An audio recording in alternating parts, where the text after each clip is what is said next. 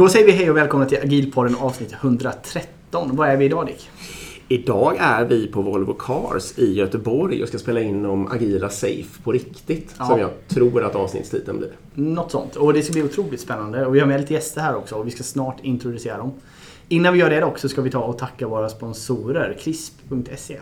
Precis. Vad finns det där? Där finns det bland annat ett fantastiskt utbud av eh, kurser, utbildningar och möjlighet att få konsulthjälp med till exempel agila transformationer och liknande saker.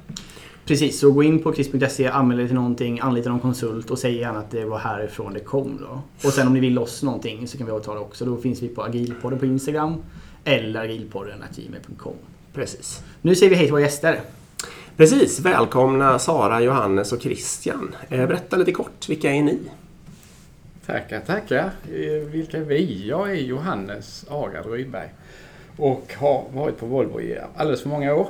Just nu är jag Scrum Master eh, på hårdvarusidan som jobbar med displayer. Mm, spännande. Och Sara?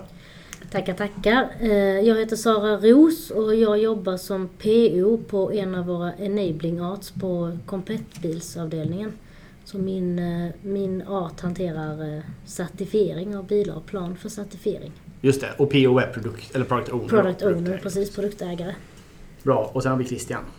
Ja, Christian Gidebring jobbar som, precis som Johannes, som Scrum Master. Eh, med elmotorerna, våra elmaskiner.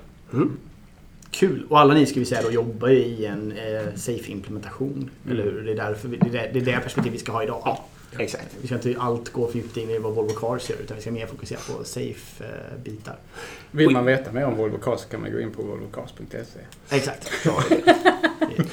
Jag vill få bara säga också att eh, min egen så här intresse, alltså eh, agila intresseresa och safe-intresseresa är ju lite så här att vi, eh, vi har massa åsikter om safe och vi har också gjort flera safe-avsnitt och sådär. Men jag har alltid varit nyfiken på eh, ett företag som kör på riktigt och har lite erfarenhet. Och vi har sneglat ganska länge på Volvo Cars och nu har jag tjatat ganska länge på någon bekant er om att komma hit. Nu och sen har hon, exakt, nu har hon fiskat rätt på er och nu är vi här. Så det är verkligen superkul att få, att få höra. Ja, verkligen. Vi har gjort teoretiska avsnitt innan, Ja, men nu exakt. blir det mer praktik.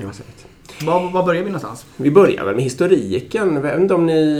eh, Johannes var med tror jag. Ja. Hur började Safe-resan på Volvo Cars? Ja, det, det börjar till viss del från bottom-up. Vissa delar har kört eh, det här på avskilt om man säger, mycket inom mjukvara. Eh, Men någonstans 2016 eh, började eh, en av våra chefer då bli mer intresserad. Han ville ha liksom mer engagemang från teamen och, eller grupperna som det var då. Ja. Eh, och hade fått lite input på ja, men det här med agilt, det, då går det snabbt och det, det är bra. Vill inte ni testa det? Och på den tiden jobbade jag med user experience eller, och HMI. Så då blev vi en eh, av de första piloterna där och skulle testa det här på, på våra team. Var det safe redan då? Eller var det mer agila? då, då, var det bara, då var det mer agila och, och scrum precis. Ehm, så då började vi testa på. Men sen eh, spridde det här sig. Jag tror man, man fick även uppifrån eh, högre chefsleden eh, nys om detta att Ericsson hade gjort det här och, och där hade det hänt mycket bra grejer. Hade Mm. lite samarbete. Eh, Så då rekryterades det en chef därifrån, Ödjard, eh, kom hit till el, det var den elavdelningen. Ja. Och där började det då bli lite större. Då pratar vi om, vad kan det vara då? Så, um, åtta- 800 pers kanske, jag gissar. Ehm, där vi bland annat jobbar med infotainment, eh, men allt annat inom elektriskt inom bilen. Eh, framförallt infotainment då som, som återigen var koppling till HMI och där det var mycket svårigheter med leverantörer som skulle göra ut mjukvara och sånt här. Där det tog, tog enormt lång tid innan vi fick se något riktigt i bil. Mhm. Där ville man ju ha upp snabbheten och, och så. Eh, Så då började vi applicera det först på, på elavdelningen. eh, Men ganska snabbt, eh, det här var tror jag 2017. Vi hade mjukkört lite grann 2016. 2017, eh, halvårsskiftet någonstans, då börjar man rulla ut det komplett på, på hela R&D. Mm. Och då är vi uppe i, vad tror du Sara? Ja, jag skulle gissa att vi är typ 8000 Mm. personer ungefär som jobbar på hela ROD. Mm. Precis. Och tanken är att hela det kör safe då egentligen. Ja, Precis. precis. Det, det, då, det var liksom en, en ganska clean cut, Mm. jag säga. Eh, och såklart så, så eh, lanserar vi inte alla, eh, om man nu säger hela safe-strukturen med eh, team, arts och, och solution på en gång. Eh, utan man tog det stegvis och, det. och släppte tåg för tåg, om Mm. man pratar i de termerna. Ehm, och till en början var det såklart väldigt mycket utbildning. Ehm, jag och Christian har också varit involverade i att köra mycket utbildningar med vi har framförallt jobbat på Scrum PO-nivå Mm. eh, men även PM RTE, alltså nästa, nästa nivå. Men även en, en vad vi hade då en agil introduktion så att alla skulle förstå vad, vad är det här med agilt. För det, är- det är ju inte bara mjukvara eh, i en Volvo utan det är väldigt mycket hårdvara också. Mm. Tror jag. Ja, har jag hört. Bara en kontrollfråga där. Var, vem fattade beslutet där 2017? Det, det kom ifrån RD-chefen där skulle Ja. jag säga. Okej. Ja, bra. Så det var liksom ett toppbeslut? Ja, det här var bli- toppbeslut. Mm. Precis. Det där och man hade det förankrat och det var liksom all in på det. Och Mm. det var säkert Ödjärv som hade spridit detta. Man pratade och, ju om den agila transformationen och att den skulle ske någon gång 2018 var det va? Då skulle alla Hösten sätta igång. 2018 Precis. skulle alla vara igång och vara agila. okej. Eh, Och enligt SAFE då, så att utbildningen 17 till 18 var för att förbereda folk inför den. Mm. Det liksom, Mm. releasen om man säger. Spännande. Ehm, ska vi dyka ner lite på det här hårdvara, mjukvara och teamstrukturen. Ehm, är det, jag antar att det är specialiserad hårdvara eller mjukvaruteam då. Det måste vara på ett så här stort företag. Det är lite blandat. Vissa Okej. har både Både hårdvara och Ja. mjukvara. Mm. Man gjorde lite mer split nu på sistone men innan dess så var det man hade både burken och mjukvaran i den. Mm. Ja. I vissa fall var det mjukvara som var egengjord här. Ja. I vissa fall var det mjukvara vi köpte in från en extern partner. Mm. Eh, och sen var det också på andra hållet att man kanske bara utvecklade hårdvaran och så köpte man in mjukvaran från annat håll. Just det. Och, och vi idag kan säga, mina team som jobbar med displayer, vi har eh, både hårdvaran och mjukvaran som vi framförallt testar av. Vi bygger inte eller utvecklar inte mjukvaran själv utan det gör vår underleverantör. Då. Ja, just det. Ja, okej. Och, men om vi, tar, vi kan ta, du har två team Ta- team, ja. Tänk på något av dem. Eh, hur många människor eh, består det av? I båda teamen just nu ungefär sju personer. Ja. är det. Och de är sammansatta av då hårdvarukompetens, eh, mjukvarukompetens i form av att du ska förstå och kunna testa och släppa mjukvara i våra system. Eh, testkompetens, eh, lite mer ledning eller eh, produktlednings... Ja. Alltså eh, kunna, kunna när, när har vi, ska vi göra våra releaser och göra den själva planeringen. Mm. Eh, jag svävar lite på det här för vi, vi, vi pratar ju våra interna eh, termer här. GDL brukar vi kalla dem för. Group Design Lead. Ehm, och sen har vi då mig som Scrum Master och vi har en PO eh, för båda teamen då. Ja. Just det. Och så ser generellt teamen ut Så- kan man säga också. eller? Precis. Mm. Det det det. finns en PO, det finns en Scrum Master och sen så finns det cross... Den kompetensen som behövs för att teamet ska kunna leverera i någon mån. Och är de, kan de göra varandras, eh, alltså den här personen som kan deploya mjukvara till exempel, kan den göra någonting med hårdvaran eller är det specifika? Ofta håller vi, men vi, eftersom vi, vi har styrkan i att vara ett team som jag tycker så, så, så får vi överhörningen. Vi Ja. kör våra planeringar, vi kör våra eh, reviews och så vidare tillsammans. eh, Och allt det här. Så man, man får ju en betydligt bättre överhörning skulle jag säga idag än, än vad man Mm. tidigare. Eh, Sen är vi inte där än att man kan exakt gå in och göra varandras för det är fortfarande ganska specialiserat. Eh, Men, men det börjar luckras upp får jag nog säga. Det börjar bli lite mer T-formade. Ja men precis, så det kommer in på det vi försöker, vad vi pratar om T-shape då, att man ska ha en grund liksom men även att man har lite djup i vissa olika områden och kanske en viss produkt eller så vidare. Mm. Så det, men, men vi vi strävar ju mot att kunna bli ett, ett team som kan plocka från en backlog i, i större utsträckning och plocka det översta, det mest prioriterade och så. Så det är dit, dit vi försöker jobba. Precis. Mm. Så hjälps alla åt med det ja, i, i den I den ideala. ideala världen, ja. Eh, och när vi nu ändå är på teamen då, hur ser linjen? Har alla de här människorna samma linjechef? De här 14-15 eller vad det är? Jajamän, i, i vårt fall har vi en, en team manager eh, som har de här två teamen eh, och ansvarar för rekrytering, lönesättning, alla de praktiska Ja. bitarna där.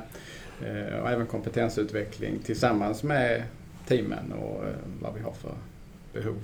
Så lite att den chefen blir lite HR, eh, alltså att den gör det här arbetsmiljö, rekrytering, lön och de grejerna. Och eh, du är ansvarig för processen då säkert och så finns det en produktägare som är... Mm. Produkten, precis. Är chefen generellt liksom, ser sig som en teammedlem eller är det mer en, en, en liksom, yttre person som man anropar när det behövs? Liksom?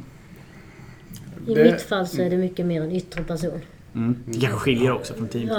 Ja, det kan nog skilja. det. Okej. Men i mitt fall så är chefen ganska bortkopplad från det vi faktiskt gör. Mm. Hon är inte jätteinvolverad i vårt dagliga arbete om Mm. man säger utan hon, hon är med vid sidan av och sen Och jag kan tycka vår, vår gruppchef till exempel är mycket, eller teammanager är mycket eh, involverad och vet vad teamet gör och kan eh, gå in och supportera och Mm. coacha den biten också. Bra sätt. Mm. Det skiljer lite. Det kan ju faktiskt bli min gruppchef i- i ett av fallen i alla fall. Så att, eh, ja, det skiljer nog ganska Ja. Det skiljer och det är mycket team eller personberoende Ja. såklart också. Mm. intressen och så vidare. Ja. Men precis, då har vi, eh, då har vi de här teamen då som är någorlunda crossfunktionella. Vi har Mm. liksom någon form av produktledning i form av product owner då. Och så har vi någon form av scrum master, processansvarig och vi har en chef. Det är det som finns Mm. kopplat till teamet. Och sen flera sådana här team då sitter koppl- ihopkopplade i ett release train. Är det så det funkar? mm. Ja. Och sen release trainen bygger ihop till då det ni kallar för en solution. Nu lär jag mig safe här också. Ja. Heter det, är solution en Solution. safe term också? Ja, eller produktström kan man väl säga också. På Okej. svenska typ. Ja, kanske det. Och jag, internt här har vi, börjar vi prata om produktströmmar. Ja. Ja. Eh, Så var det. Så där, där kommer det begreppet på Volvo i alla fall. Mm. Jag tror det är Volvo. Jag har inte Ja. hört det tidigare. Så jag tror det är Volvo. Ja, då kanske det är bra. Um, precis, Vem, för det är en sån här fråga som ibland dyker upp som jag tycker är intressant. Att man, eh, såna här, framförallt högre chefer, de efterfrågar någon så kallad leveransansvarig eller vem som ska, de ska utkräva ansvar för när det inte går som det ska. Har ni, är det något, pratas det om det här och är det i så fall någon av safe-rollerna eller vem är det som uppfattas som leveransansvarig för olika saker? Alltså, i, i, i, jag tar mitt fall då så har det väl varit kanske product owner, product owner i ganska stor utsträckning som har Ah, varit okej. det. Men de försöker styra om nu mer så att det ska vara Scrum Mastern som hamnar som någon slags produktansvarig. Så att product owner ska kunna tänka i nästa inkrement, kunna tänka Mhm. nästa sprint, ha ett lite mer långsiktigt tänk Ah, på okej. hur produkten ska utvecklas. Ehm, så det, försöker, det har nog svängt om lite, i alla fall inom min avdelning. Då. Som sagt, Scrum Master i nuvarande sprint, Product Owner i nästa. Okej. Men jag tror att det någonstans behöver det vara ett, ett samspel mellan båda två. Vi behöver hjälpas åt, stötta teamen. För att de ska, också för att de ska få med sig informationen som, som, som kommer upp på leverantörsmöten och så vidare inför nästa. De att veta vad, hur backlogget behöver utvecklas. Liksom. Är Inget jätteproblem då eller? Det är inte en av era största stridsfrågor vem som är leveransansvarig uppenbarligen. Nej, Mer jag tycker, jag tycker inte det. Vi, man, det har man också varit ty, väldigt tydlig med. Att vi, det, det som är viktigast, det som är centrala i den här eh, förändringen som vi har gjort, den agila transformationen, det är att vi ska ha våra så kallade empowered teams. Alltså teamen är de som är ansvariga. De ska kunna ta, fatta besluten, snabba beslut. Det är där vi får upp hastigheten. Mm. Eh, Och det, det man trycker på hela tiden, det är där hjärtat, hjärtat sitter. De, de eh, empowered team, nu kan jag inte översätta det till svenska. Men, Nej men det... ja. Det är en, alla vet vad det betyder. Ja. Ehm, team utanför utveckling då, om man kan tänka sig. Eller Utanför en dit tänker du då? Nej, jag tänker kanske mera människor som inte just i första hand utvecklar. Jag tror du hade något exempel om man beställer provartiklar till exempel. Ja, eh, generellt sett så är ju vi är ju ingen art, vi är en enabling art vilket tyder på att vi har ingen egen produkt. Nej precis, ni Alltså vi har ingen faktisk så här tydlig leverans i form av det här. Mm. Ni Utan möjliggör för Vi andra. möjliggör för alla produktströmmar på Volvo att kunna Just göra det. sitt jobb. Mm. Eh, Och då finns det ju delar i min organisation i alla fall som inte riktigt har gått över och blivit agila än. Till exempel de som beställer hem material till våra olika uppdatering av bilar och så vidare. De eh, jobbar på som de alltid har gjort Mm. I den organisationen Men, sitter de, de sitter. men tanken är att de ska bli organiserade enligt SAFE också? Tanken är väl att de också ska liksom transformeras på sikt men Ja. de har väl inte riktigt hittat hur och på vilket Ja. sätt och vad som är gynnsamt för dem. Mm. Eh, Och än så länge så, för, det, för dem blir det ju mer att de har lite andra kommunikationsvägar nu än vad de hade tidigare. I hur, vem de ska prata med för att förstå vad de ska göra. Mm. Men på sikt så ska de väl också bli agila om man säger. Men jag tänker, hur, hur funkar det med, för du sa att det är en, en, eh, ett supporterande, du hade till och med ett ord för det. Enabling. Enabling art. Ja. Okej. mm. För jag tänker, det, det är ju extremt viktigt med många plattformsgrejer som underlättar för de andra antar jag. Det är det Mm. det är i grunden, eller hur?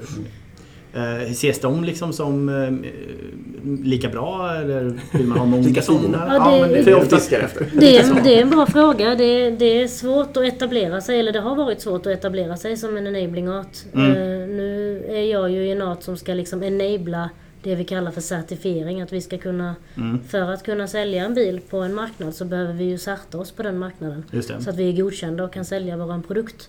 Och då, Precis, men det jag tänker på, på generellt för sådana enabling arts då, liksom, är, det, är de lite mindre värda för att de inte har en produkt i slutändan eller är det så att de fortfarande värdesätts i organisationen? de värdesätts för att vi behövs ju. Ja. För utan oss så kommer man ju inte till fullt Nej, precis. Fullt, fullt en- mål. vi Vi får ju ut inte ut produkt. produkten. Det Nej. spelar ingen roll hur bra infotainmentsystem du har. Nej. Kan du inte sälja den någonstans så har du jobbat fördärves. Men det är ju det är fantastiskt bra. Det är bara att många organisationer går bort sig där och ser att de där är lite jobbiga och de där måste vi verkligen ha dem och så vidare. Däremot i Men- den agila transformationen så har det blivit svårt för oss att just etablera oss som en Ja. enabling art. Och jag tror folk kanske inte riktigt förstår vad det är vi gör och Ja, varför vi finns. Så det behöver vi ju jobba med och liksom promota oss själva. Det är lättare att förstå också en produkt om man tänker liksom att ja. Ja. men vi Mm. håller på med vad det nu är. Liksom. Så, okej, och i slutändan så blir det det här. Det kan till och med vara fysiskt något man ser eller tar på. Precis. Det är lättare att förstå många gånger kanske som chef eller som ledning än något som bara Nej, men vi hjälper alla att bli lite bättre. Okej, hur Mm. mäter man det då? Det är klassiskt svårt. Men jag har ju hört om det omvända exemplet också. Alltså att alla vill vara i enabling för att då, kan man, då slipper man kanske transformera sig och sen så kan man jobba lite i lugn och ro. Aha, inget tryck liksom. Exakt. Ja, ja, ja. Så det där beror ju verkligen på Mysa vad det, är, ja, vad det är för organisationskultur man jobbar i tror jag. Ja, intressant. Och bara- Och kommer ifrån då kanske framförallt. Vad heter det? mm, Jo, jag hade någon... Så här, när, vi nu ändå pratade om eh, Arts och Solution Trains som ni kallar produktströmmar. Då, kan ni säga något exempel på eh, några Arts och någon eller några eh, Solution Trains? Bara så folk... Det, nu är det här är ju liksom personbilar, eh, persontransport, mest en konsumentprodukt. Hur har ni delat in det? Vi har ju till exempel en hårdvaruproduktström eh, som heter Vehicle Top Hat. Mm. Och då är det karossen, eh, du har dina, din eh, motorhuv, dina eh, Mm. stötfångare och hela den här, ja, allt du ser utanpå bilen. Du, även det som är inne i bilen, Även interiören, det som är inne i bilen. Så säte. arterna där kan ju vara exterior, interior, Okej. belysning Mm. eh, och sådana bitar. Mm. Mm. Eh, sen finns det en produktström som heter Connected Experience som är infotainmentsystemet och då Mhm. finns det ju eh, olika arter där inom som till exempel de som hanterar data och diagnostik Mm. för infotainmentsystemet. Eh, de som eh, gör det som vi kallar för Connected Experience, alltså de uppkopplade bilar och hela den biten. Eh, och sen har vi en testavdelning för den biten också. Mm. Och sen så finns det ju det som heter Autonomous Drive eh, som har det här med AD-utveckling och liksom Just det. Självkörande, självkörande bilar och hela den biten. Ja, ja. ja. ja men det räcker som som ett Mm, ja, superbra exempel. Mm. bilar. Förstår. Måste man ju säga. Ehm, ska vi börja gå in lite på det här? Alltså vad... eh, När ni nu kör Safe här i praktiken, är det... vad- funkar bäst? Liksom? Ska vi kanske börja nämna Johannes att vi, vi, vi jobbar ju egentligen, är fortfarande lite högre, vi jobbar lite enligt eh, alltså en adaption av SAFE som vi väljer att kalla för VCAF. Ja. Volvo Cars Ideal Framework. Okej, så man anpassar det lite speciellt för just Mm. Volvo. Ja, till vår kontext. Yes. Ja. Och till exempel de här enabling arts och så kommer in, eh, Ja. där vi har, som vi har ritat upp på den här kartan då, vår, vår safe-karta. Mm. Just det. Okej, men i, om vi kör eh, VCAF.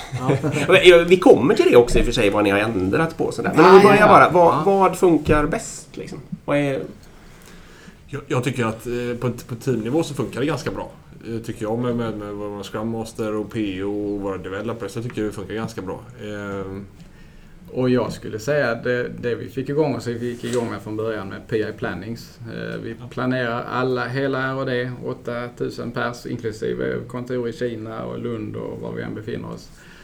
Har en eller fyra veckor om året då vi kör våra PI Plannings. Två dagar fulltid. Eh, Lite olika beroende på vilka dagar man kör men eh, man, man är strångt fokuserad på det och sätter en bra, bra plan framåt för kommande inkrement. Okej. Mm. Så ni har ju ungefär då någon 12-13 veckors eh, 12 Precis. veckors inkrement har vi. Ja. Mm. programincrement. Så, Mm. som, som vi lätt kan dela in då om man vill köra två eller tre veckors eh, sprintar och så vidare. Ja, för det var just det. Okej, det är valfritt då. Är det någon som kör en vecka också eller? Nej, två eller En har jag aldrig hört. Nej, men två är väldigt vanligt och tre. Jag skulle säga det är mest två och tre. Två, tre, ja, jag vet Någon inte. har jag hört kör sex veckors också. Ja. Mm. Ja, det- är nog lite olika, men två Ja. är nog det absolut vanligaste Mm. På många ställen. Min, eh, min art kör inte Scrum, vi kör Kanban. Ja. Så vi planerar i PI Planning för 12 veckor framåt. Mm. Och sen har vi ingen sprintplanering eller sprintar utan vi kör 12 veckor. Ja, det är Åt fritt gången. också då att välja det om man vill. Ja som det är team, en ändring liksom. som vi gjorde ganska nyligen. Ja. För att vi kände att det passar inte oss att planera så kortsiktigt. Ja, kul. Så testar ni på det Och här? så testar vi på det. Ja. Det är Mm. Ja, kul. precis tredje PI-planningen nu om ett par veckor. Och i den här, eh, vad det nu heter då, innovations och planeringssprinten. Sprinten. Mm. Kör alla då eh, på samma veckodagar? Alltså så här, så då försvinner alla och planerar? Ja, det är så. Det. Och då är en dag antagligen på art-nivå och så nästa dag på solution-nivå då eller något sånt där? Eller hur? De har ju. Art och Solution. Solution har ju sin prepp innan teamen börjar sätta Ja. igång. Så teamen, hos oss funkar det så att då, vi har fått en input. Vi, ska, vi får ju den innan så Ja. vi kan refina och så vidare och preppa. Eh, Men sen kör vi huvudplaneringen under tisdagen Eh, och sen eftersom vi har ett, eh, många beroende så har vi en mellandag där vi handskakar vilka beroenden Ja, vi har. Kan de ställa upp på det och så vidare. För att se till att vi har en, en hållbar, så hållbar plan det går. Och sen på torsdagen så sätter vi de sista pusselbitarna på plats och, Ja. och är klara och sen eh, drar arten det till solution som, som ser vad, ja, så här och så här långt kommer vi komma i Mm. backloggen. Och de solution, när liksom fastställer de sin inkrementsplanering? Är det på fredagar då? Eller På sent fredagar, fredagar, de kan till och med ha, köra sig på måndagar veckan efter i vissa fall. Tror jag. Mm. Men oftast fredagar vad jag vet. Men egentligen blir de ju helt fast. Alltså de kan inte komma sen och Nej, säga nej, nej. förresten. Nu, Nej. nu får ni, nej.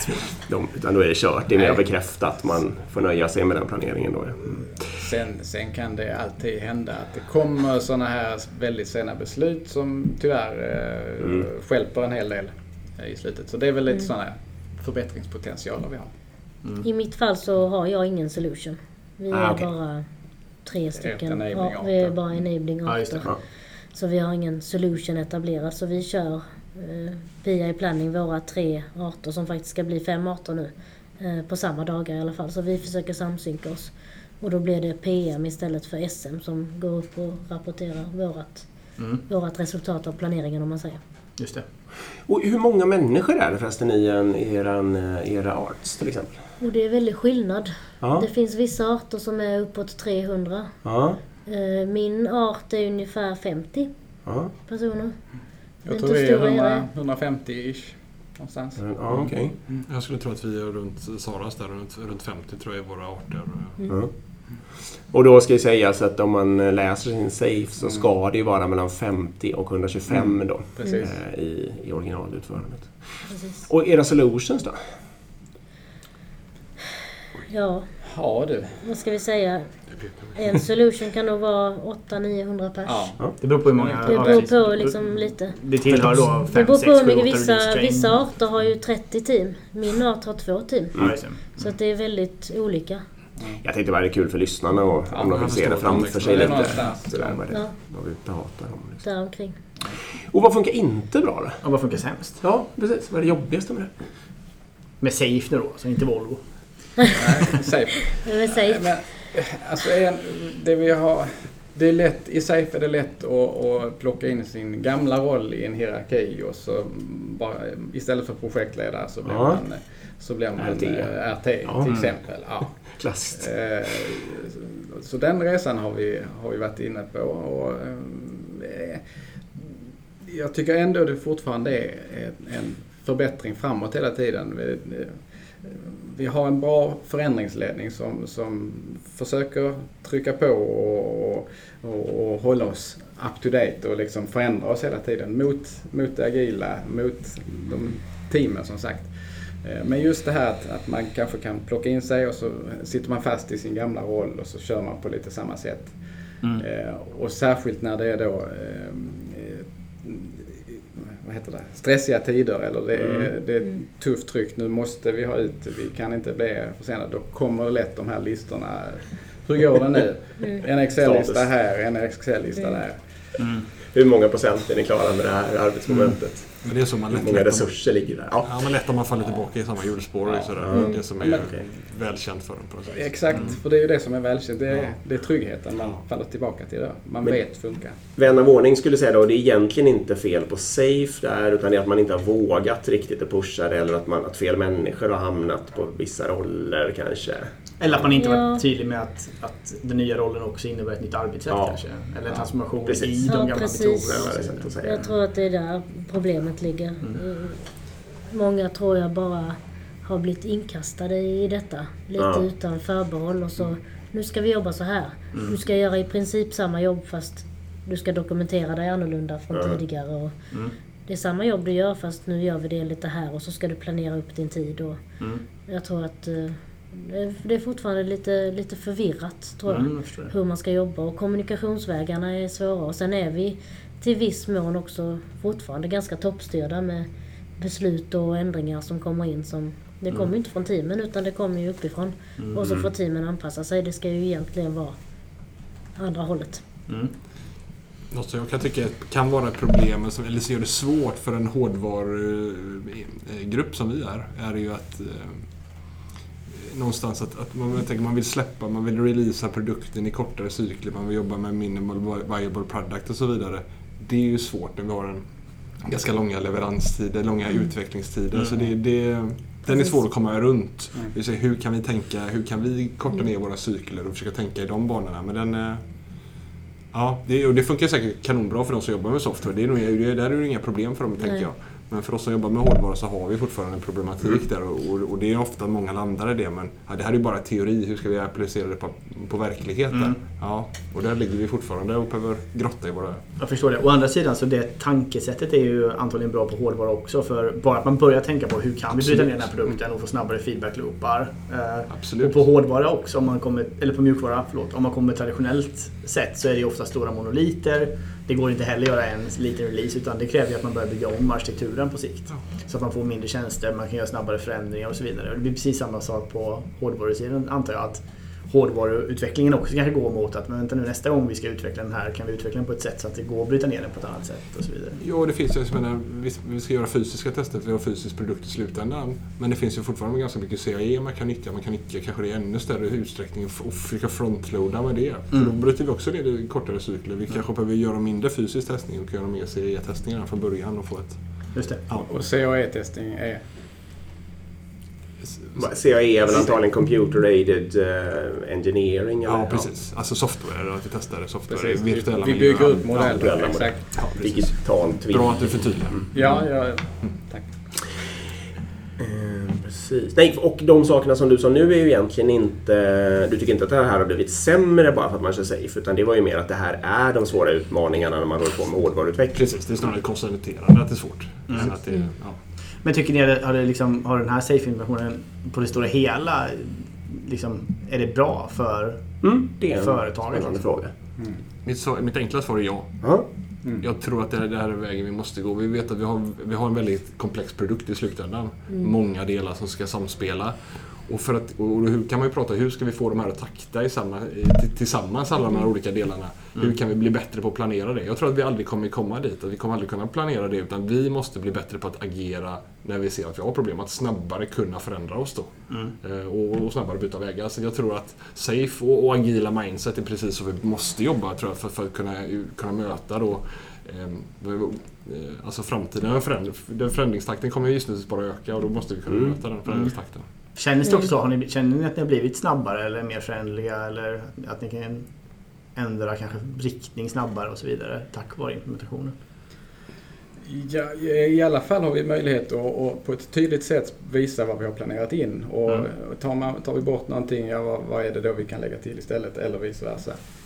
Eh, så den transparensen tycker jag är en jättefördel som, som till viss del gör oss snabbare tror jag också. Sen kanske vi inte har riktigt kunnat plocka hem alla frukterna än. Eh, för vi, vi, trots, trots att det har gått fyra, fem år nu så, så, så är det en stor organisation. Det, det tar tid att, att ändra mindsetet och arkitektur och hela de här Mm. bitarna.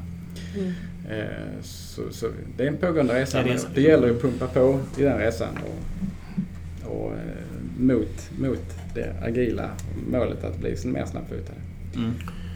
Ni touch, du, du touchade på det innan där med eh, rollerna. Eh, ni, uppfattar ni att det har blivit mycket administrativa roller? Fler administrativa roller eller färre? Eller ungefär samma om man jämför min? Det är fler administrativa roller skulle jag säga.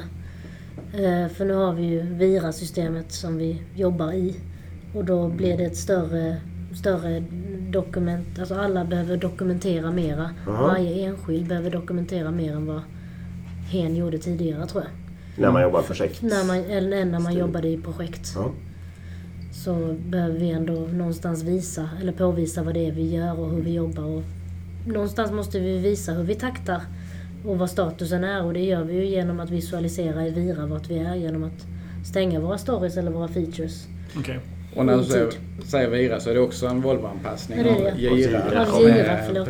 Men eh, är det, måste teamen använda det liksom? Man får inte välja... Om de Nej. skulle använda whiteboard bara istället så funkar inte det. Vi hade det i början av den agila resan. Då körde många på stora plakat och satte upp lappar och drog snören emellan för att Mm. visa planeringen. Men vi insåg väl ganska snabbt att det blev för mycket förändringar under resans gång så då blev det lättare att ha ett digitalt system. Och sen Och så, därefter kom Vira. ja, precis. Och sen så jobbar vi också med, med Kina mycket. Eh, vårt Shanghai-kontor. Och det är klart att för att kunna visualisera och de ska kunna komma med i lättare så är det svårt när vi gör planeringarna i rum. Utan då får vi göra det digitalt för att de Mm. ska kunna vara med på den resan på Ja ett men bättre absolut. sätt. Och det här äh, övergången där liksom, var den svår? Alltså blev det massa projektledare och grejer eh, som- inte visste vad de skulle göra? Eller? eh, Ja. Ja, det var så. Så, så Jo men det var det. Jag, ju- jag jobbade ju i det gamla projektkontoret när långa. den här agila transformationen slog oss Ja. bakifrån. Och ni jublade allihopa. Nej, det gjorde vi verkligen inte. Utan eh, de kom in och sa en dag att nu ska projektkontoret läggas ner. Ja. Och då blev det liksom, jaha. Och vad ska vi jobba med? Ja, men ni ska jobba i de olika produktströmmarna, sa de till oss.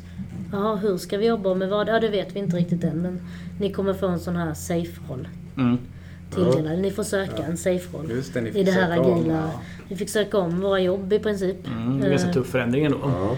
och som ett delsteg på vägen så tror jag att Volvo någonstans insåg att vi kan inte riktigt vara utan projektledarna riktigt än. Utan då hittade man på en egen roll i VCAF just. Som man kallade för SPE ett tag. Solution Program Engineer. För att då var man liksom projektledare för sin solution eller produktström Okej. ett tag. Och roddade liksom Mm. ganska mycket samma jobb som man gjorde tidigare.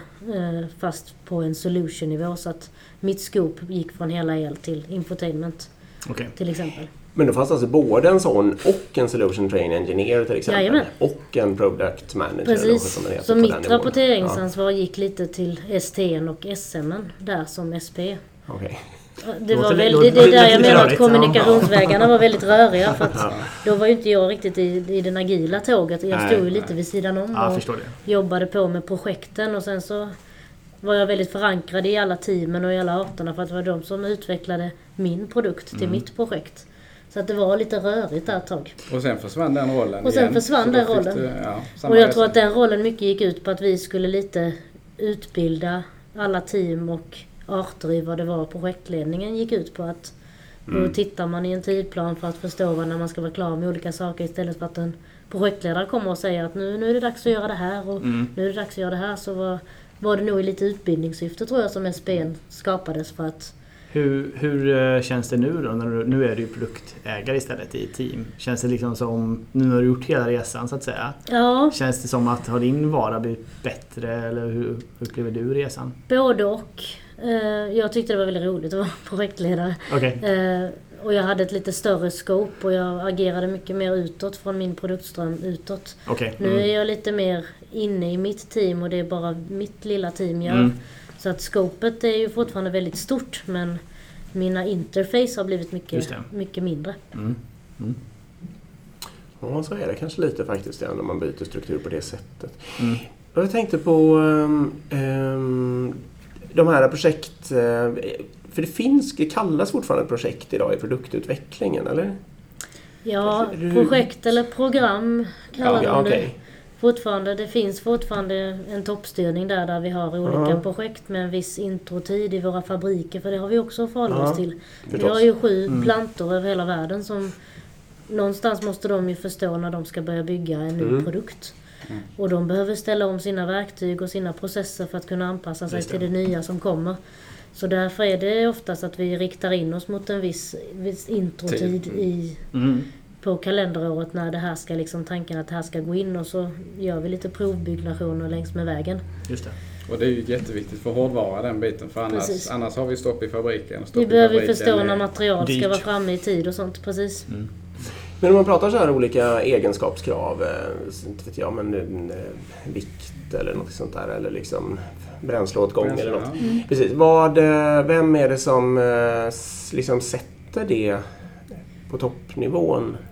Mycket? Det skulle jag kalla är business office som Ja. bestämmer vad det är vi ska utveckla härnäst. Precis, Ja. som gör en då- övergripande beskrivning av hur, hur ska den här nya produkten se ut Ja. och vad, Business vad office. ska den förhålla sig till eh, konkurrenter och... eh, Precis, vad ska den innehålla? och Så det vidare. finns oftast ett ganska givet innehåll i vad det här projektet ska utveckla Och till den här tidpunkten. Business Office, hur, hur sitter de organisatoriskt? i- Ja, jag skulle till, ju- sitter de ovanför De Solution? sitter eller? ovanför Ja. alla Ja. solutions. De Okej. jobbar ju cross alla solutions skulle jag säga. Ja, Så de kravställer Solutions lite då Ja. i det här fallet? Att det är det här liksom som ska fokuseras på? Precis. Mm.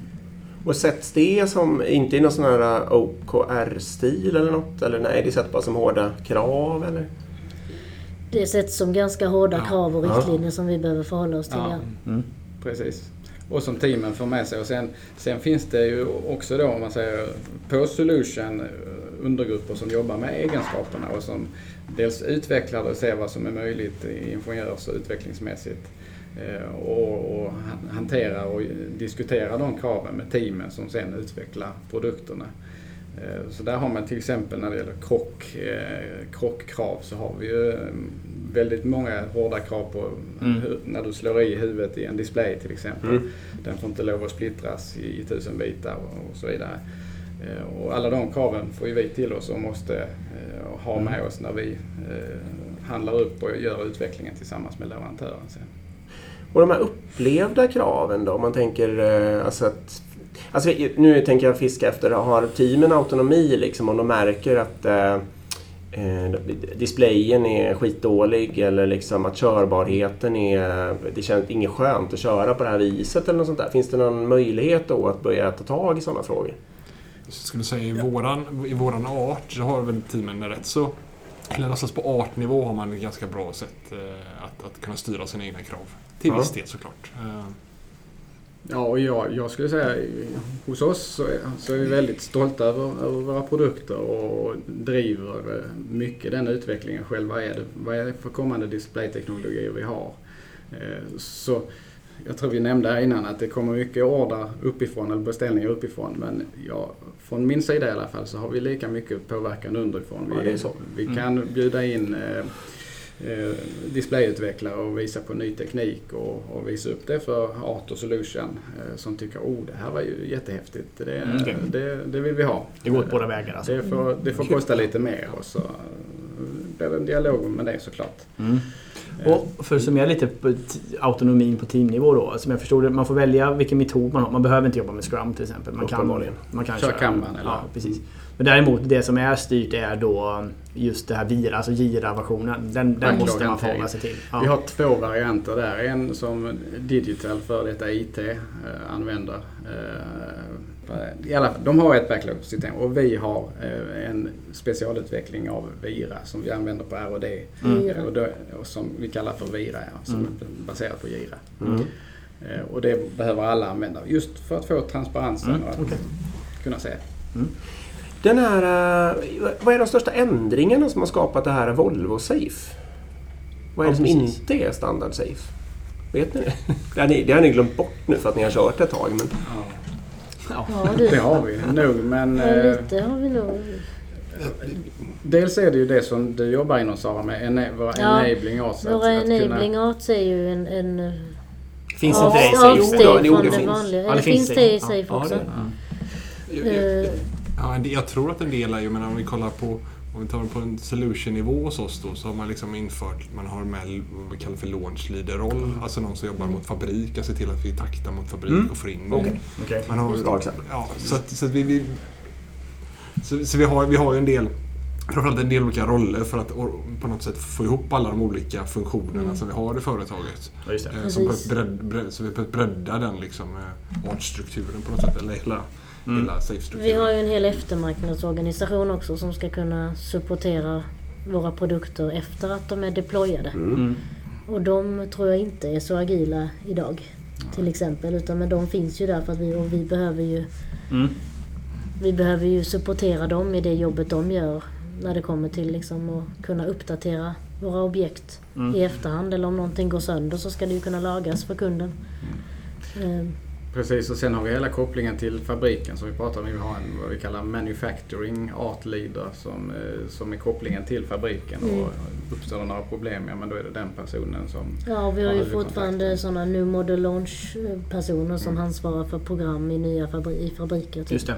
Nya produkter i, i fabrikerna som vi har. Och se till att det funkar som det ska. En annan fråga där. Det som vi kanske har hyllat mest med Safe hittills är ju principerna. Mm, eh, Som drivs bakom. Hur jobbar ni, med, jobbar ni med dem? Jobbar ni med dem rakt av? Eller har ni liksom gjort volvo- volvofierat dem också? Jag tror att vi jobbar rakt av. Ja, jag skulle Ja. säga att vi har, eh, har Safes grundprinciper. De här eh, har vi med oss. De, de, de finns med i VCAF och sen har vi såklart med oss agila manifestet som, som ju också inom en parentes i just implementationen. Eftersom det riktar sig mot mjukvara så blir det ju väldiga utmaningar att få in det här på hårdvarusidan. I och med att det står software. Ja, Precis. Och det, det, det kan vi bara anekdotmässigt säga att vi, vi träffat tre stycken grundare till som var med och skrev Agila manifestet i podden. Mm. Och eh, en av dem kommer jag ihåg att vi frågade i alla fall om du skulle få skriva om det idag, vad skulle du ändra då? Och då var det bara en ändring och det var att ändra software till product. Ja. Så Mm. hade det skrivits idag så hade det stått product istället. Då hade vi varit hemma. Ja. Vi, vi har ju ändrat det internt också så vi har ju Precis. product, Ja, internt. Så att, eh, ja. Men när ni pratar om principer, är det då liksom de agila ceremonierna som vi förhåller oss till? Eller vad menar ni med Ja, men principer? du menar ju de här, äh, det kanske står till exempel att kunden är viktig och det står att affären ska styra och sådana där saker. Jag kommer inte ihåg Exakt. hur de ser ut. Det finns sju stycken tror jag. Korta liksom verkligen. Ja. Alltså korta meningar bara. Mm. Ehm, Och precis, och det är det som Safe bygger på. Sen, sen kopplar de, har ju liksom... Ja, precis. det var tvungen att få in den. Eh, ja, man men, de har principer och sen ovanpå principer så bygger man ramverket. Eh, så precis. och det anses ju vara lean agila principer. Och det är det väl i. Ja. Jag tycker de är bra. Ja.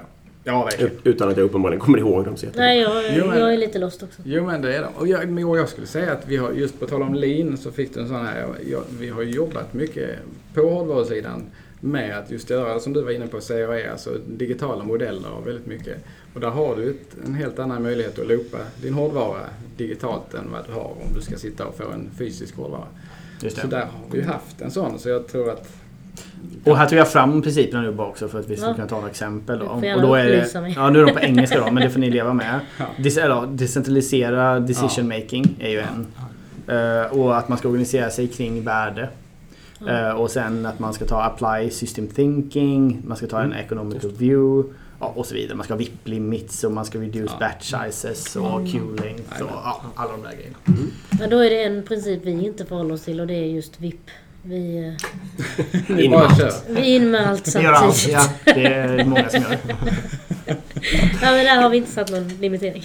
Ja, en grej som jag är, är nyfiken på förresten och det är det här linjens... ehm, när ni började med Seiferesan, gjorde ni om linjen på en gång då? Eller har den Linjen är faktiskt densamma som den var tidigare. fullt ut? Ja, i Men- princip. De har faktiskt kortat ner ett chefsled tror jag. Ja, det har de gjort. De har Oj. ju försökt att Ja. platta till en organisationen lite Ja, så att de har tagit Ja. bort någon form av mellanchefsled. Exakt Hur- vilken det var har jag faktiskt förträngt. Ja, våra det sektions, Ja sektionsdelarna. just det, sektionschefen Ja, har så- försvunnit. så Så över grupp- det går från team manager till Enhetschef. Ja, Ja, nej, department ja, manager. department Och manager. sen, Och sen, department blir det... Just det. Just det. Och, förlåt, men finns det direktrelation mellan Department och Art till exempel? Eller något sånt där? Nej. Jo, det, blir- det blir Det är ju detsamma. Ja, jo, det det blir det ju samma. lite detsamma. Ja. Så Var en det så? art är lite som en avdelning. Nej, det så Så kan inte riktigt varit innan. Nej. Nej. nej. För det- teamen det kan inte har- varit riktigt likadana heller. och Nej. Nej. Det skulle jag säga också. Det, har- det har tweakats om en, en del under resans gång. Eh, Och det har kommit, kommit linjedrivna omorganisationer också under resans gång. Eh, Men ändå tror jag drivet från, drivet från att vi ska fokusera på vår, vår value stream, alltså vårt värdeskapande. Mm. Eh, Och där har vi landat i till exempel Top Hat, Power, Vehicle propulsion. Vehicle Propulsion och Connect, Connected Experience och så vidare. För, då får jag, jag får bara säga... Det smugit sig på då kan man säga. Det är inte så att det var en stor så här, hej nu ska vi omorganisera, alla får ny chef, alla försöker nya jobb hit och dit. Utan det är mer smugit sig på att Det har kommit lite olika batcher Ja. tror jag. Ja, det har Så kommit att det i olika har, det har omgångar. kommit i olika omgångar. Ja. Så även cheferna har fått söka om, vissa av dem har Mm. fått söka om sina jobb. Ja, de har gjort. Men om man vill vara välvillig då kan man kanske säga att det har eh, rättats upp efterhand Ja, eller något sånt där på ett ganska smart sätt egentligen. För det jag tänkte på var mm, en av fördelarna som ofta lyfts fram med Safe är ju att man inte behöver göra en stor omorganisation på en gång utan att man kan ha det som mellanlager mellan värdeströmmar och, och en gammaldags linje så att säga. Så, de orden skulle jag nog inte använda, men typ. Eh, och det verkar ju som att det har funkat här då. Att ni har, eh, hade det från början som ett rent mellanlager och sen har linjen anpassats i liksom lugna fina. Det är ganska bra i så fall. Det måste jag ge lite cred för. Ja, och eh, sen har det ju varit st- stora omsvängningar också för oss som team. Vi Mm. har ju ett, en sån resa, eh, just att teamen har inte varit de samma, eller i alla fall inte tillhört samma organisation. Vi satt ju till exempel på infotainment eller conne- connectivity innan. Mm. Eh, eller Incar Digital som det hette. Och så kom en stor omorganisation linjemässigt och nu därmed hamnar vi på Top Hat istället, alltså Ja. hårdvara. Det. Så att sådana rätt stora Mm. justeringar har ju Jo, också skett. Mm. Mm. Och, och när ni gör den då får ni byta chef också antar jag? Ja. Ja, vi hade faktiskt möjligheten att få med oss chefen i den. Ah, ja, okej. Mm. Eh, Men, men teoretiskt blir det så? Ja, Precis. hade inte chefen valt att Nej, följa med så hade många ni fått fått fick en ny också. chef, absolut. Precis. Slump, tur och otur. Ja, ja men Ja. precis. Jag vet aldrig om era chef lyssnar så ni behöver inte säga om det var tur eller otur. Nej, exakt. Ja. vad, vad har ni lärt er? Så här? Vad skulle ni göra annorlunda om ni skulle göra om en sån här transformation? Precis, vi ska sätta upp Saab här nu och så anställer vi er. Och så ska vi göra det här. Ja. ja precis. Nej men... Det är väl som alltid när det kommer till sådana här stora förändringar att man måste jobba mycket mer med att förankra det till de som blir direkt påverkade. Ja. Eh, Det är väl alltid steg ett i ett förändringsarbete att du ska försöka liksom att etablera förändringen innan den verkligen slår. Mm. Har ni fått förklarat varför liksom? Har det varit tydligt genom den här resan? Nej, Ja, nej, jag, jag tycker det. Spännande! ja det är nog olika. Ja, börja Sara om du vill. Nej men det var väl egentligen alltså när jag satt på projektkontoret och de sa att det skulle läggas ner så var det väl ändå ingen riktigt som förstod Nej, varför. Okej. Och då kände man ju lite som projektledare då att jaha, eh, tillför jag inget värde i det jag gör då? Mm. Är inte det jobbet jag utför dagligen värdeskapande för företaget? Mm. Och då förstod man ju inte riktigt. Jaha, och vad ska vi göra istället då? Nu, nu vart det ju inte så jätteannorlunda i den stegvisa delen som det blev men det vart inte helt eh, liksom förklarat varför. Jag förstår. Men det, du, du kanske också satt på en eh, grupp som, som drabbades värst så att säga i förändrings... eh, Kanske. Så det kanske annorlunda för... Hur var, det, hur, hur var det för er? Johannes? Ja, jag kan- Om jag börjar för mig då, så var det väldigt, väldigt lite skillnad faktiskt. Okej. Så att eh, min, min, min dåvarande gruppchef, han, han blev PO Och, och, och jag blev Scrum Master. Jag hade också en eh, ledande ledarroll i teamet innan. Så att för oss blev det väldigt lite skillnad. Okej, och ni hade redan någon form av inkrementutveckling? Eller ni tänkte redan på det här att försöka bryta ner det i mindre leveranser och så vidare? Ja, alltså den delen hade vi kickstartat. När vi ändå hörde att det var piloter som pågick på andra delar av företaget så hade vi kickstartat det. Hur kan vi börja tänka? Hur Okej. kan vi börja jobba med, med, med visualisera våra, våra, våra, våra pro, progress och så vidare. Så vi hade vi börjat tänka i de termerna redan. Eh, så det var inte, men, men det är klart att eh, det är alltid så att det blir en förändring. Mm. Så är det ju. Mm. Eh, Det är ju svårt att komma ifrån. Men, eh, Men, men just i det här förklaringen på om det hade kommunicerats. Det, jag, man tryckte ju mycket på det som du sa Christian innan att vi har ju en väldigt komplex produkt. Mm. Men samtidigt så sker det ju jättemycket ute i omvärlden. Mm. Vi har connectivity uppkopplade bilar, vi har självkörande bilar. Eh, och de ska uppdateras kontinuerligt. Hur ska vi göra för att hänga med där och var kommer det att ta vägen rent eh, kundmässigt? Vad, är det för produkter man vill köpa här? Mm. Man gör ju jättemycket analys, alltså marknadsanalys och kollar vad, hur, hur gör alla andra OEM? Vad är det de lanserar nu som är Mm. det hetaste? Hur kan vi hänga med? Eller ska vi göra någonting helt annat? Ja, men och för att då kunna hänga med i så snabbt som, som eh, omvärlden förändrar sig just nu så behöver vi göra någonting annorlunda i hur vi utvecklar. Vi kan inte jobba kvar i eh, våra vattenfallsmodell och releasa en Big Bang i slutet utan vi måste försöka bryta upp det och, och bli mer snabbfotade och kunna svänga om när det behövs. Och det visste du från början när ni började med transformationen? Ja, det, det gjorde jag. Ja, det, då visste du ju varför frågan så att säga. Mm. Mm. Ja, det är bra. Och förresten, det kanske vet ni, Volvo är väl ett vinst... Volvo Cars är väl ett vinst... Alltså det går väl bra liksom och Ja. tappar inte marknadsandelar. Alltså, ja, jag är verkligen inte expert på det här men det känns som att det är Det känns det. Mm. Nej, men trots eh, tuffa tider nu så går det ju ändå. det går eh, bra för ja. Volvo. Mm. Precis. Så jag menar, det är också någon form av stämpel på. Ja men just nu säljer vi mer bilar än vi har, vad vi har förmåga att bygga. Ja. Mm. Eh, viktigt att inflika det. Vad heter det, om man tittar framåt då. Alltså, ni kan ju tänka två år framåt men även tio år framåt och sådär. Känns det som att, ni, att det är en bra idé att hänga kvar i den här väldigt lätt anpassade safen? Eller kommer ni släppa det mer fritt och låta det bli en Volvo egen grej? Jag tror att det, det kommer nog alltid behöva tweakas lite Ja. för Volvos räkning. Alltså det är ju en resa och vi, Mm. i, min, i min organisation så har vi precis börjat den här resan. Så vi pratar ju mycket om hur vi ska organisera oss på bästa vis liksom och hur, hur kan vi nyttja våra kompetenser så bra som möjligt. Sen har vi ju alla våra fabriker och fabrikerna är inte agila. Och de Nej. kommer aldrig bli agila. De kommer, de, de, det, löser liksom inte dem. För de har ett liksom system och en process som de behöver förhålla sig till. Och för att vi ska kunna anpassa oss till dem och för att de ska kunna anpassa sig till oss så tror jag att det kommer bli någon form av volvofiering av, av liksom det agila ramverket på något Ja. sätt. Mm. Det kommer vi nog inte komma ifrån. Nej, det kommer Nej, vara en kontinuerlig vi, och det trycker vi också mycket på. Jag tycker jag är också är bra ifrån linje och alla håll att, att vi är en lärande organisation och att vi behöver testa, ja, men som ni testar nu, ni kör eh, Ja, vi Kanban. kör kanban precis. Eh, Vad lär vi oss av det och så tar vi med oss det goda ifrån det och anpassar oss och justerar Mm. hela tiden. Så att, Mm jag tror inte det är något som är fastfruset. Nej, jag tänkte nästan tvärtom. Så här att om, man, om, vi, om vi tar ett vanligt team som exempel bara och så är man omogen, då kör man ju väldigt ofta Scrum och sen så blir det ett moget team och då kanske man börjar köra Kanban, precis den resan som ni har gjort. Liksom. Jag tänkte lite att hela Volvo Car skulle ha en liknande, skulle gå så här att för att transformera oss in i någon form av agilt tänk så har vi använt SAFE och sen mognar vi mer och mer här och då blir de här värdeströmmarna helt naturliga för oss och de blir mer autonoma och sen om tio år så är det ingen som kommer ihåg att det började med Safe längre för då har ni massa egna smarta sätt att... Jag tror att liksom, mycket bygger på att vi behöver, liksom, vi behöver få ett nytt mindset som Johannes var inne på innan. Ja. Att vi behöver få folk att tänka lite i andra banor och vad som är möjligt på andra och jobba annorlunda. Ja. Ja.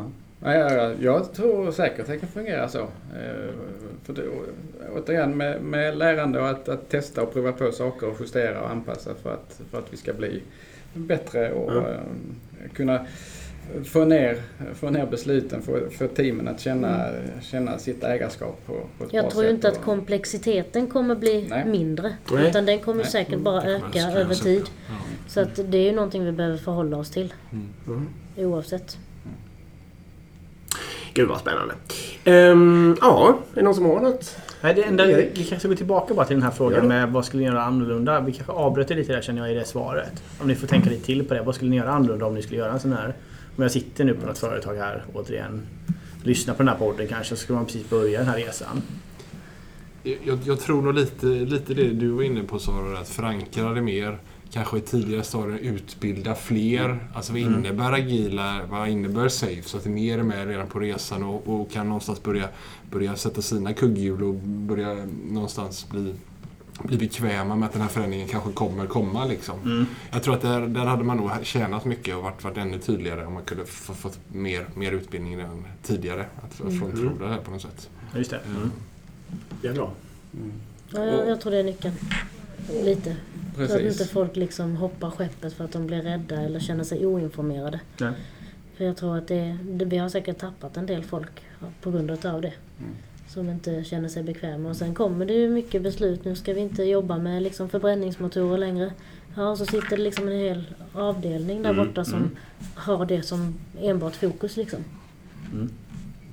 Jag tror också kanske en, en del man, jag vet inte om man vad andra hade svarat på den här men, ibland så känns det som att, lite som du var inne på också förut Sara, du nämnde att vissa roller blev bara flyttade. Nu har jag en specifik Mm. roll, nu får jag en agilroll. Mm. Och, och de arbetsuppgifterna som kommer den agilrollen eller den safe-rollen, ja, det var inget alls man trivs med. Det är inget som jag vill jobba med.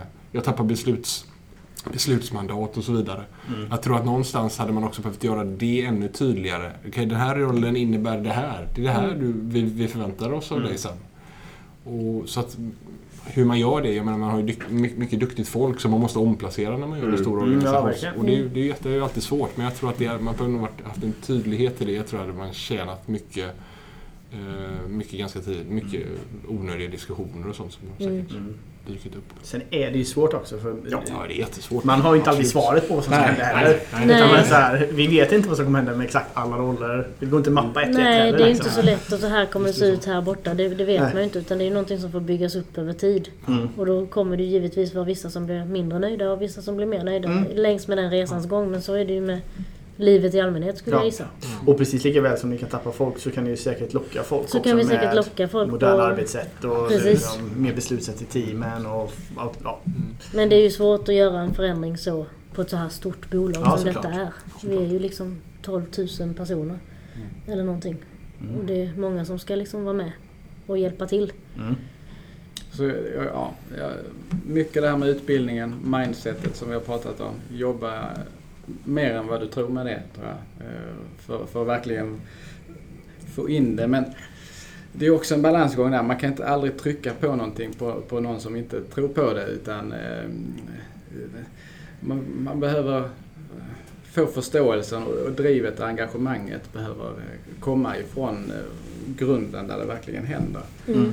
Eh, Så mycket fokus tror jag på, på teamen och de runt omkring teamen som, där man kan se fördelar, fördelarna med det. Mm. Mm. Bra. Bra. Ska vi runda där? Ja, jag känner mig klar. Ja. Otroligt Har ni roligt. någonting mer ni känner att vi har missat eller någonting vi borde toucha på eller?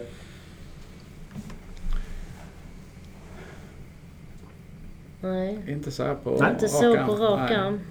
Men nej. nej.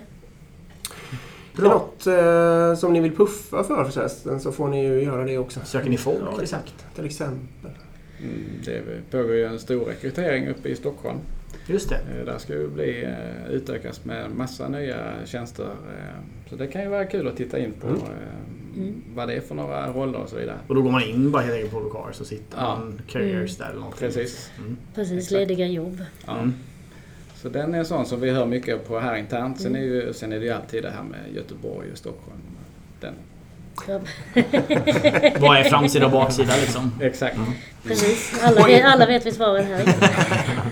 Bara för att nämna det också. Eh, Christian och Johannes, ni driver en intern podd också där som bara kan lyssnas internt eller? Det stämmer. Precis. Det Men, stämmer. Det. men om det är Volvo Cars-lyssnare nu som, är, som vi har där ute så borde ni ju absolut leta upp den podden också. lyssna. Volvo Cars Agile Podcast heter den va? Ja, ja, stämmer. Perfekt. Eh, bra. Grymt. Vi vill tacka CRISP för att ni är med oss och gör podden möjlig också. Ja, verkligen. Och återigen, vill ni oss någonting så är det agilpodden.gmail.com eller agilpodden på Instagram. Precis. Då tack för att vi fick komma hit också. Ja, verkligen. Och Tack, tack för så att ni mycket var för med. att eh, Ja, för vi ni ville, för att vi fick vara med ja. Ja, Precis. jättekul. Jätteroligt. Tack, tack. Hej. Hej. Hej då.